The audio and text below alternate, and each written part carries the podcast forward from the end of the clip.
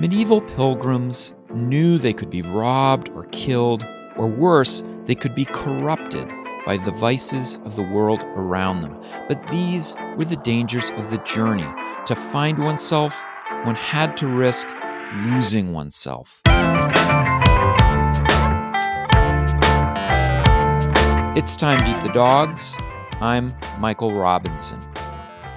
Today, Shane Legassie talks about medieval travel, especially long distance travel, and the way it was feared, praised, and sometimes treated with suspicion.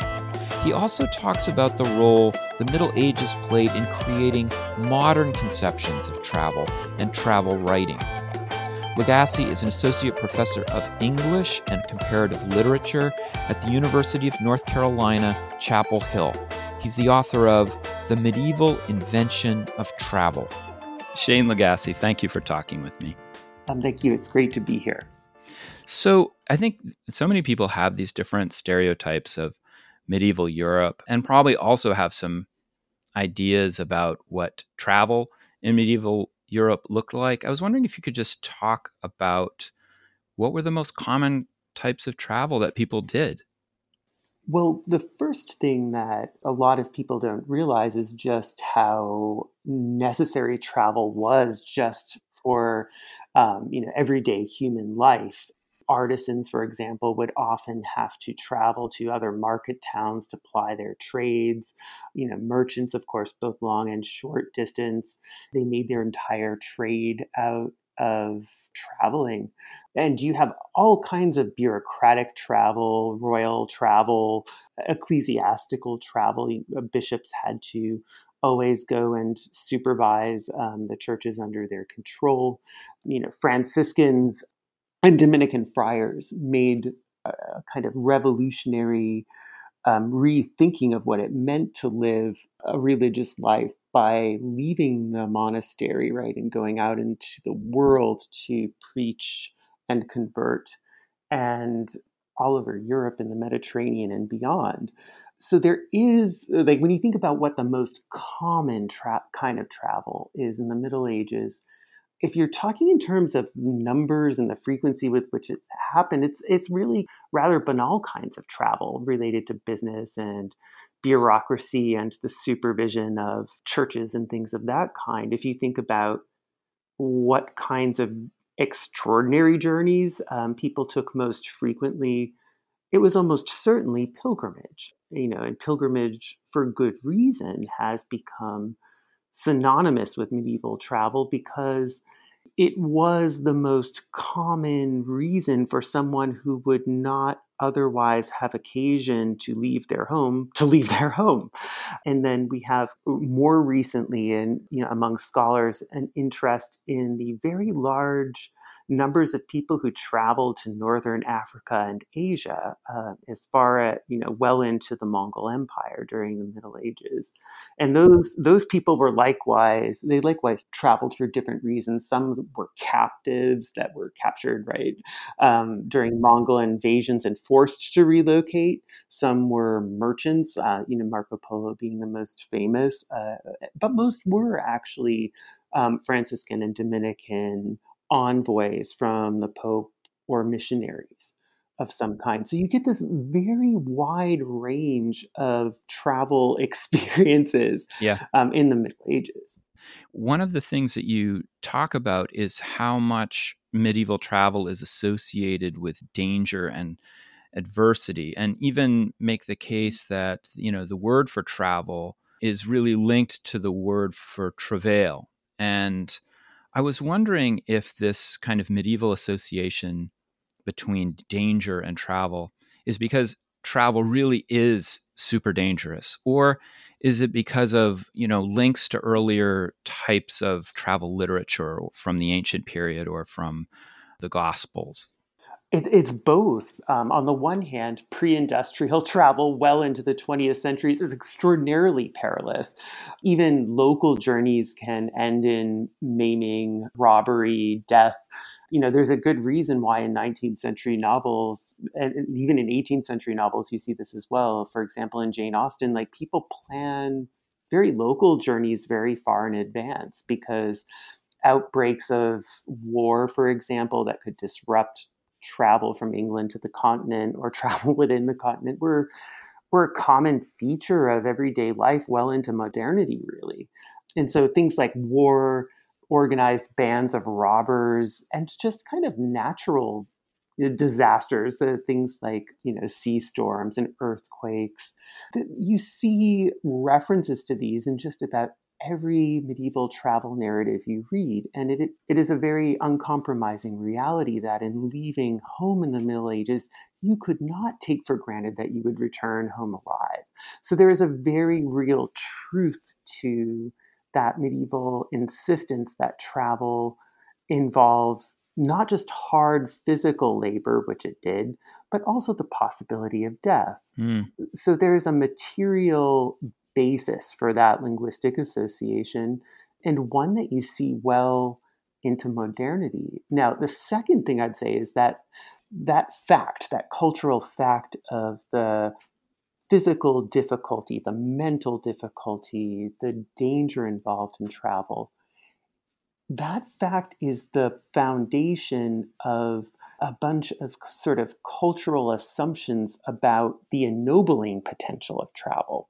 And so, you know, Stoic philosophy is one strand of thought that animates this heroic way of understanding travel as a way of overcoming the limitations of your own body, of resisting temptation. And you do see that, you know, in accounts of the travels of the apostles, and you see it before that in the epic journeys of Aeneas and Odysseus, and you see it well into, you know, I would argue on into the cusp of the 20th century. If you read many of the sort of British accounts of the exploration of Africa, the search for the source of the Nile, um, as several scholars have have observed, the authority of being a geographical adventurer, even in the kind of age of so-called scientific exploration, that kind of travail of travel, the being able to point to the physical toll exacted upon you as an explorer and as an adventurer, it's an important part of your authority, even in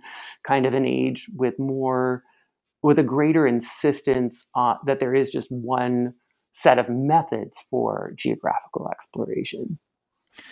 Yeah, I was really interested in how far back that reaches. My my work is really 19th and 20th century exploration yeah. and travel and that what you're saying is absolutely correct there is such a cachet to to danger that exists in the present what surprised me was that you also talk about how travel is treated by many people in the Middle Ages with suspicion, that there's a real wariness of travel at the same time that there's prestige with travel. I was wondering if you could talk about why people are so suspicious of it. Well, travel is a very great way to evade detection and to kind of start over new under another identity to to engage in subversive activity among new communities that don't know your potential for subverting you know local custom and law. And travel is disruptive. Any town that is large enough to have an inn or a tavern is going to have inn and tavern related disturbances eventually. Travel is also, um, for a lot of medieval moralists, a distraction from you know what you really ought to be doing in daily life and this concern first emerges among uh, clergy that are that are concerned about monks and nuns because monks and nuns might have to travel for administrative purposes or for pilgrimage. And there was a real concern that in leaving the monastery, they would rejoin the world they had left behind in taking their oaths and perhaps engage in sorts of pleasures that were unbecoming of someone who had taken those oaths. And so there's there is a concern that travel you know it affords certain sensual pleasures and sexual opportunities that you could not engage in at home as readily without being detected. And so there's a, a huge sort of anti-feminist discourse that that presents women in particular as taking advantage of the sacred facade of pilgrimage in order to conduct extramarital affairs and things of that sort. There is a lot of anti pilgrimage moralizing that complains about the rowdiness of the music that pilgrims would perform together when they were traveling or um, their their propensity to drink together in taverns as much as they uh, end up visiting shrines and churches, and so so travel becomes suspicious. I, I think this is not an uncommon thing in world historical societies. That the flip side of the sort of exotic aura of the traveler is the aura of danger, right? They're, they're two sides of yeah. the same coin. When I was um, when I was reading this passage in your book, I was thinking, you know, there's a way in which travel, really from the ancient period forward, is a way of finding oneself. That's a yeah. you know the journey inward is such a, a major part of that story but you're talking about the the dangers of losing oneself uh, yeah. To worldliness really. And and it made me think and i wanted to get your uh, impression of this. It made me think actually about genesis the first book of the mm. hebrew bible and the old testament where really the sins of adam and eve are are about seeking knowledge i guess about the world over obedience. And it seems like the punishment that they get in part is the punishment of travel. And i i didn't know whether i was just overreading this in terms of its connection to the Middle Ages. Is there a link, or is that just a super common trope? Well, there there is a link. That that story is a lens through which medieval people think about travel, but they don't come to the same conclusions, right? So they look to the Adam and Eve story, right? And they don't necessarily think with it and think through it in the exact same ways. And they certainly don't come to the same conclusion about what it means for the, tr- the contemporary traveler of their world. And so, one common way that, or one uh, relatively common way that that the, the exile from Eden was used to think about travel was that it was used to sort of stigmatize nomadic people. Mm. So it was because it was depicted as as part of that package of primordial punishments. Um, yeah.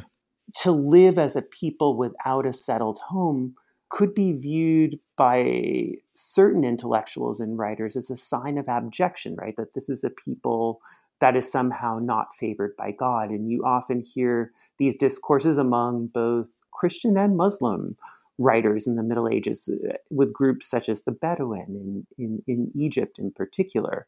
Christian, Jewish, and Muslim travelers to Egypt often comment on the very difficult time the Sultan has sort of bringing bands of nomadic people you know under his control and sovereignty I, he never quite managed to do that so one way that this genesis story right which is a common inheritance to all three religions is used to think about mobility and what it means to kind of live a life where travel is the norm rather than settled dwelling in one place. Mm-hmm. In the in the course of your book, you also talk about how this begins to give way to a growing prestige for travel, especially long distance travel, either to the Far East or to pilgrimages uh, to the Holy Land. I was wondering if you could talk about that transition. Oh, I mean, it's not even really a transition. It's almost as though the second, right? The, the, the idea of the prestigious journey, it grows up to kind of take equal rank, I would say, with this earlier suspicion. And the suspicion never really goes away, but it does become increasingly more socially acceptable, not just to travel, but to write about mm. one's journey. Um, and, and I think I would like to talk about that second part because that's really sort of at the heart of the answer to the question you've just posed. And that is, what I'm really trying to document in my book is the way that all of these new technologies of writing, all of these new genres of literature, all of these previously non existent reading communities and types of books, so forth and so on, they provide the raw materials out of which people find new ways to talk about and think about the heroism that's possible in travel. Hmm.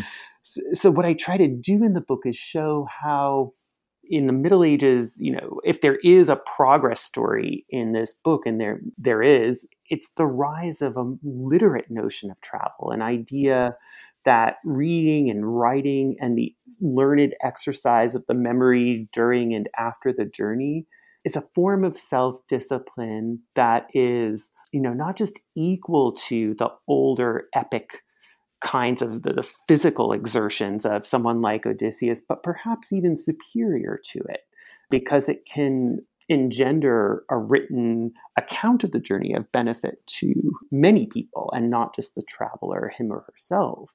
So, really, there is the rise of a kind of sense that travel is justified and that writing about travel is justified. It's intimately tied to the development of new uses for reading and writing and new reading and writing technologies.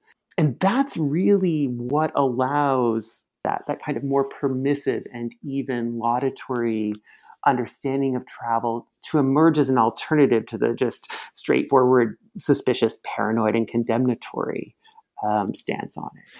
Yeah one of the things i found super interesting was you say that the pilgrimage narrative itself becomes more empirical. It, it focuses more not well i should say it focuses not just on the holy land but increasingly on the journey to the Holy Land itself yeah. and to sites along the way.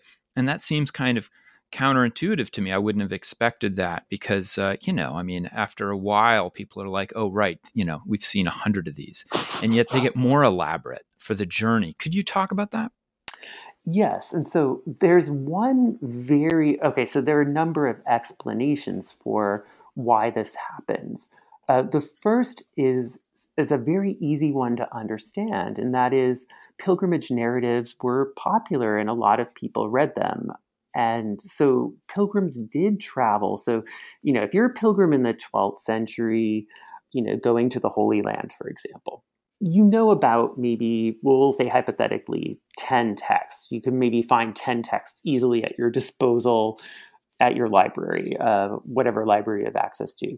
By the 15th century, though, you could stand to have several dozen more than that yeah. easily in the library. And there's this sense that, oh, if I'm going to contribute, right, to this tradition, I might want to do something rather new. And some authors tell us that, that they are like attempting to explore aspects of the pilgrimage that previous authors have not. Um, and in the book, I devote quite a bit of attention to one late 15th century pilgrim named Felix Fabri, who was a Dominican. He's a Dominican friar from Ulm. And he went on a, one pilgrimage and he he just didn't remember anything. Um, and he was really disappointed that when he got back, he couldn't distinguish in his memory one site from the other.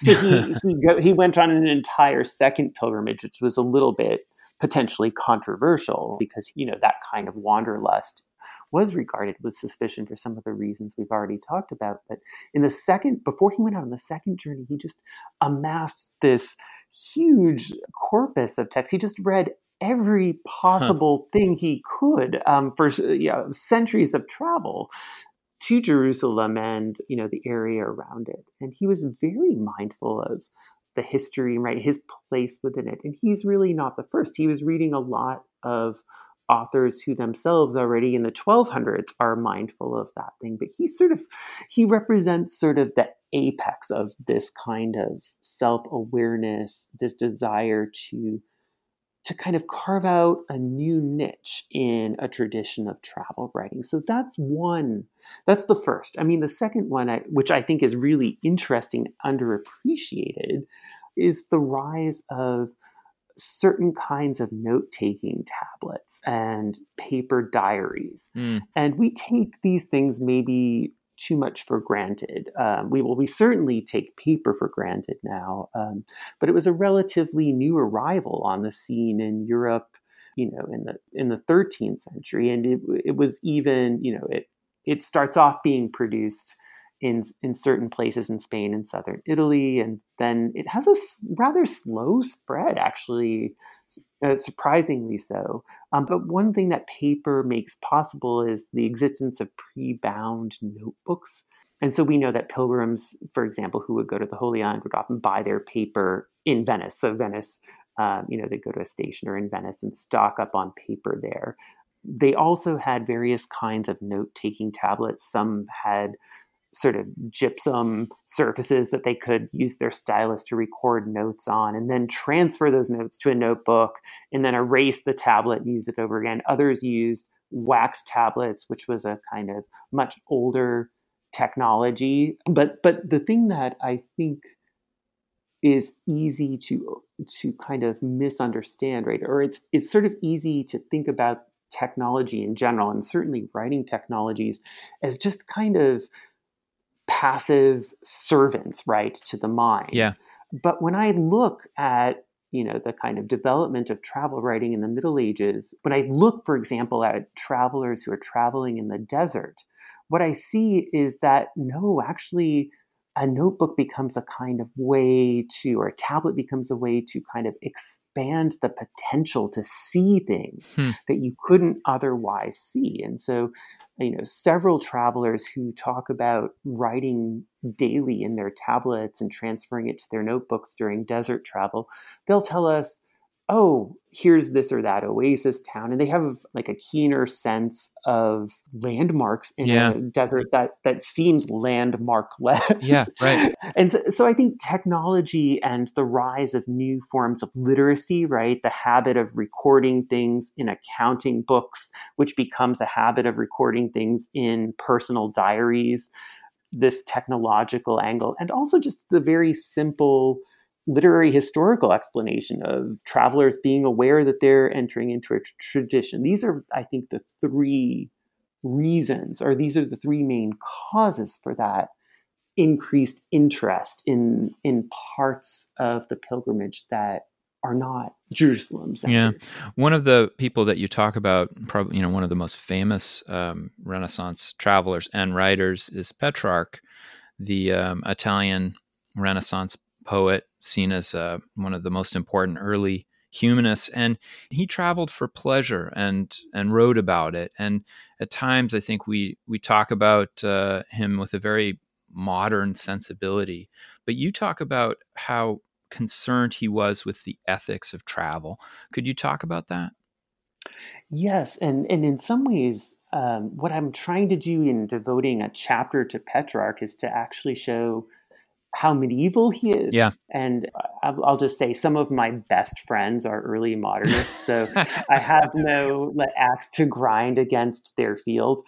But it is the case that arguments about rupture in terms of ideas of travel between the Middle Ages and the Renaissance are really dramatically exaggerated and one of the surprising things that I learned was was the extent of continuity. And, and so someone like Petrarch, one understands why he's classed on the size, side of the Renaissance when you're talking about travel writing, because you know his interest in recovering and thinking through and writing in imitation of the works of Roman literature from antiquity. All, that whole project it just shapes his subjectivity as a traveler to such a degree that he is distinct among other 14th century travel writers. But that said, in the 14th century, there is no norm among travel writers, so every travel writer is distinct. Yeah. Um, and several of those travel writers, right, they end, uh,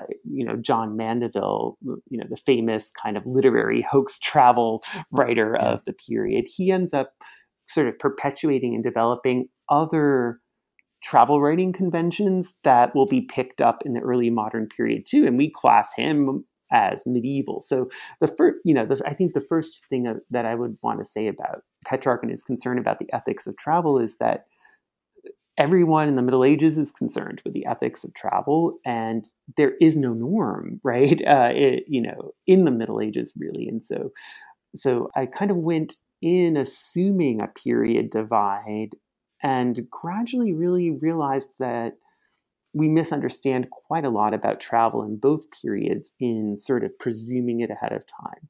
And with that said, right, like, um, I know like Petrarch, Petrarch is a travel skeptic, right? He which makes him, I would argue, rather medieval. Yeah. That that he, he does have this group of letters that he writes actually in middle age, and he might even go so far as to manufacture them after the fact for um, this kind of letter anthology that he collects.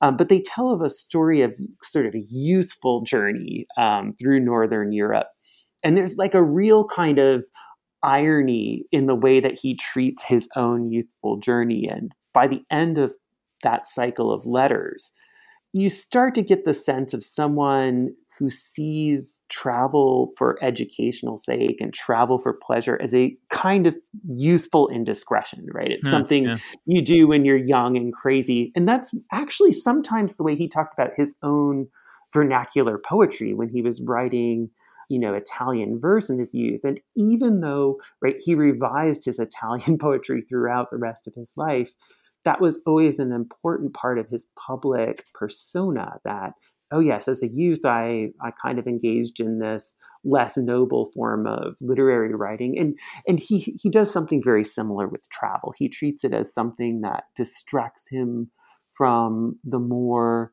important labors of scholarship and of you know self-discipline. Yeah. I was actually thinking um, reading the petrarch part of your book that it, you know I don't know Petrarch that well. The the part that I know is his ascent or supposed ascent of Mount Ventoux yeah. in uh, 1336, and you know he climbs this mountain. And I actually was in France a little while ago and and went up Ventoux, and damn, it's wow. pretty. It is a pretty. well, no, I drove up Ventoux. Oh, that's say. not the yeah, same, I, is it? no, I didn't even bike up it. I mean, there's actually okay. people who bike up it. Um, but so much of what I kind of saw in that uh, description was, you know, he does have at points this really almost modern aesthetic appreciation of the climb and the arduousness of it.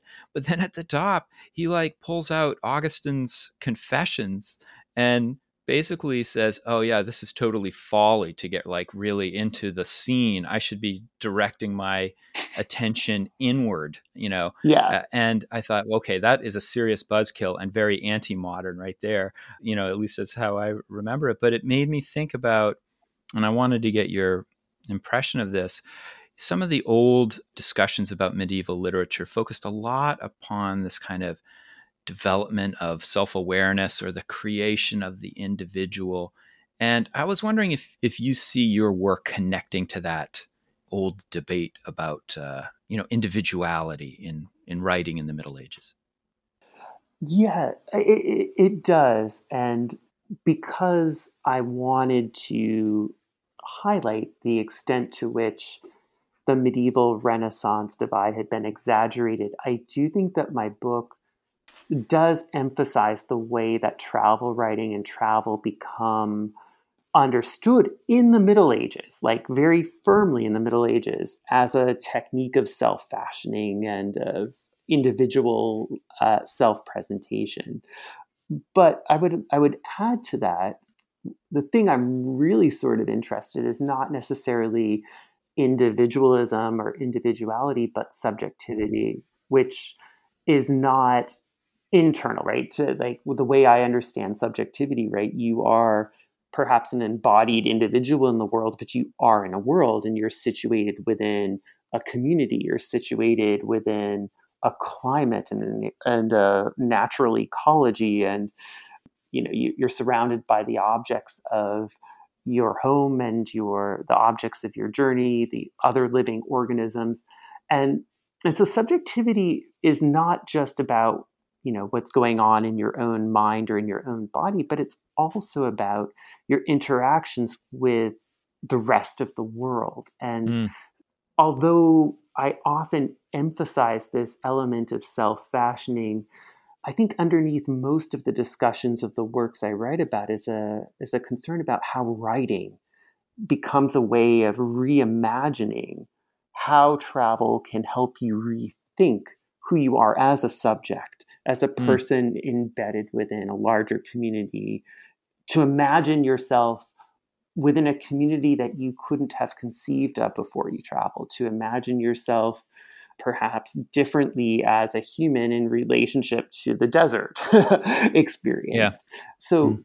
so it does part I mean it is sort of throwing down a little bit of a gauntlet, right? Uh, for the the kind of argument that self-fashioning and is something of the Renaissance, right? But of course, right, that's a very old argument um, among medievalists. You, several medievalists have made these arguments, particularly about chivalric romance, mm-hmm. the kind of rise of the of individual subjectivity in that and in troubadour lyrics. So that in itself is not a very new argument, but it ends up being one that we just have to keep repeating because there's something so appealing about the dogmatic assertion that that individuality arises with the Renaissance. Yeah, yeah.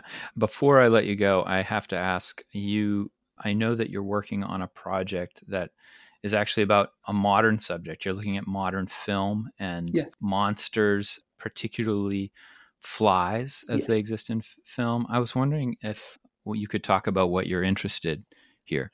Yeah, well, uh, what I'm uh, so I'm writing a book now called Hollywood Horror and the Gothic Fly, and the argument of that book is that every time you sort of see a housefly projected onto the screen at the cinema, you're getting imported into the film several philosophical, scientific, and theological, cosmological concerns that date back to antiquity, right? So, so the, so the argument is that the that the audiovisual motif of the fly in cinema, thanks to the mediation of painting, right, and painting actually provides cinema with some of the visual conventions with which it's going to depict the housefly.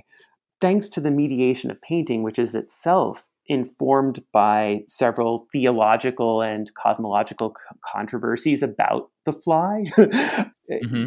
you have imported into that motif in cinema all kinds of ideologies that often the filmmakers themselves are not aware of. However, horror filmmakers tend to be aware of them because horror is one of the few cinematic genres that's consistently interested in a larger cosmological framework for its narrative. It doesn't confine itself to the kinds of domestic realism that that huh, yeah. So interesting. And so that that book is really an attempt to do a kind of cinema studies that's also a genealogy of the history of painting and also the history of science and theology.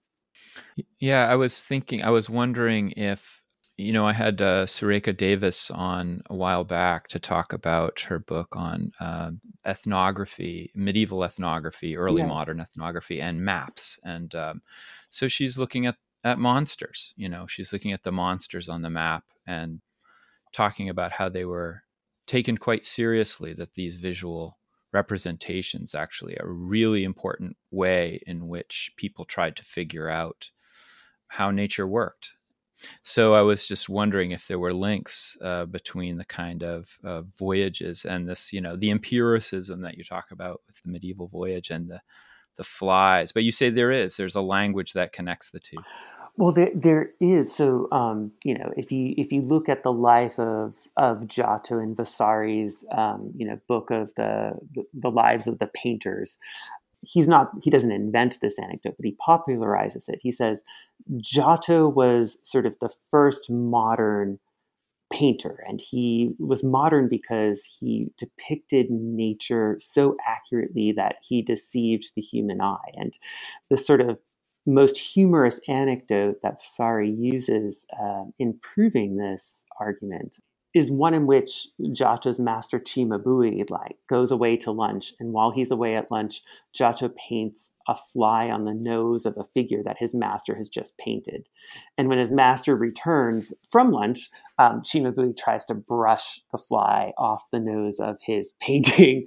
and, and, and the implication being, right, that in that moment, the disciple surpasses the master. Uh, and it, it, and it, this is very typical in the way that subsequent art theory and subsequent painters think about what it means to represent nature, to be able to capture the smallest and least significant and most meddlesome of creatures vividly and convincingly in painting, the fly, is to be able to capture nature itself. And so mm. there is an argument about, uh, I mean, there, there are these ideas of, of empiricism, but they're interestingly figured through illusionism. And that's really one of the most interesting tensions and the one that I found most productive in thinking about the various ways that flies enter onto the scene in cinema, where they, they actually often enter accidentally, especially if you're not in a horror film. And the kind of questions that raises about human intentionality uh, and that it raises about authorial intent, if you're talking about the director, are just rather fascinating. And they all sort of can be tied back to this tension, I think, between empiricism and illusionism in art theory, right, in art criticism. Hmm. Shayne Legassie, thank you so much for talking with me. Oh, it's my pleasure. That's it for today. The music was composed by Zabrat Make sure you check out the Time to Eat the Dog's website podcast links and other exploration related stuff. And if you get the chance, please take a minute to rate and review the show wherever you get your podcasts. It really helps make the show visible to new listeners.